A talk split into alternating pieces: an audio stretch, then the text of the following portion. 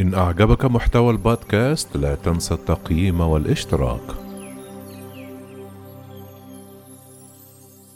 سفيرة المملكة العربية السعودية في واشنطن تحذر الهجمات على السعودية تهدد أمن الطاقة العالمي.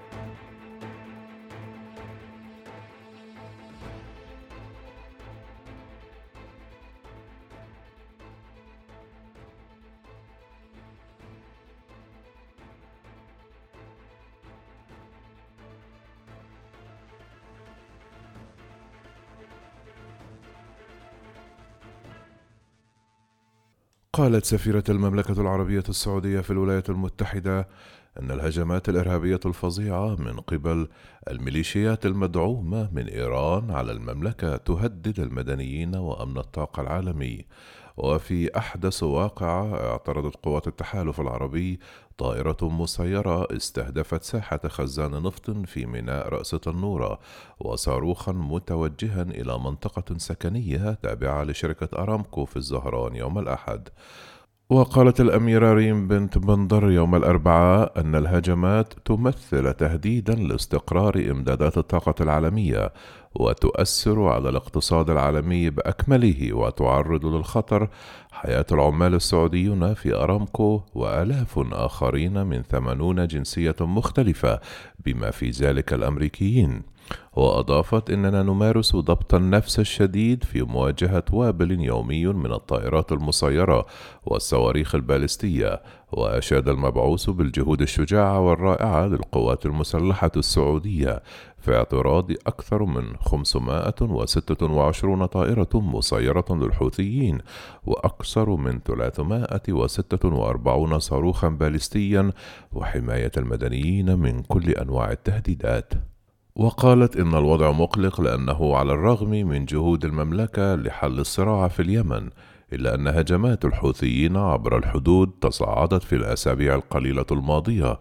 بالإضافة إلى ذلك قالت إن الجماعة المدعومة من إيران شنت هجوما في محاولة للسيطرة على مدينة مأرب الغنية بالنفط والتي كانت ملاذا آمنا للنازحين داخليا منذ بدء الصراع قبل ستة سنوات.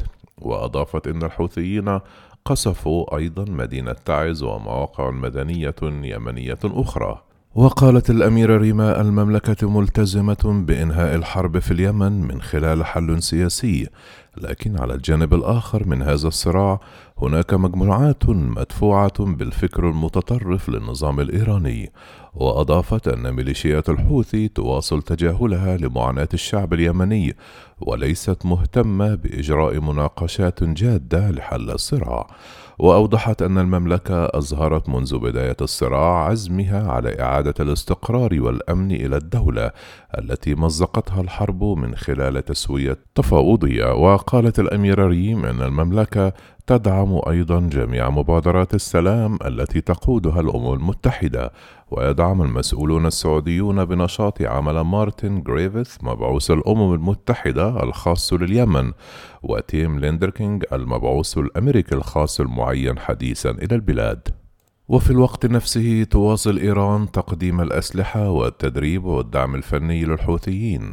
كما دعت المجتمع الدولي إلى اتخاذ إجراءات لمنع تهريب الأسلحة الإيرانية إلى اليمن التي تستخدم لإرهاب اليمنيين وشن هجمات على اليمن.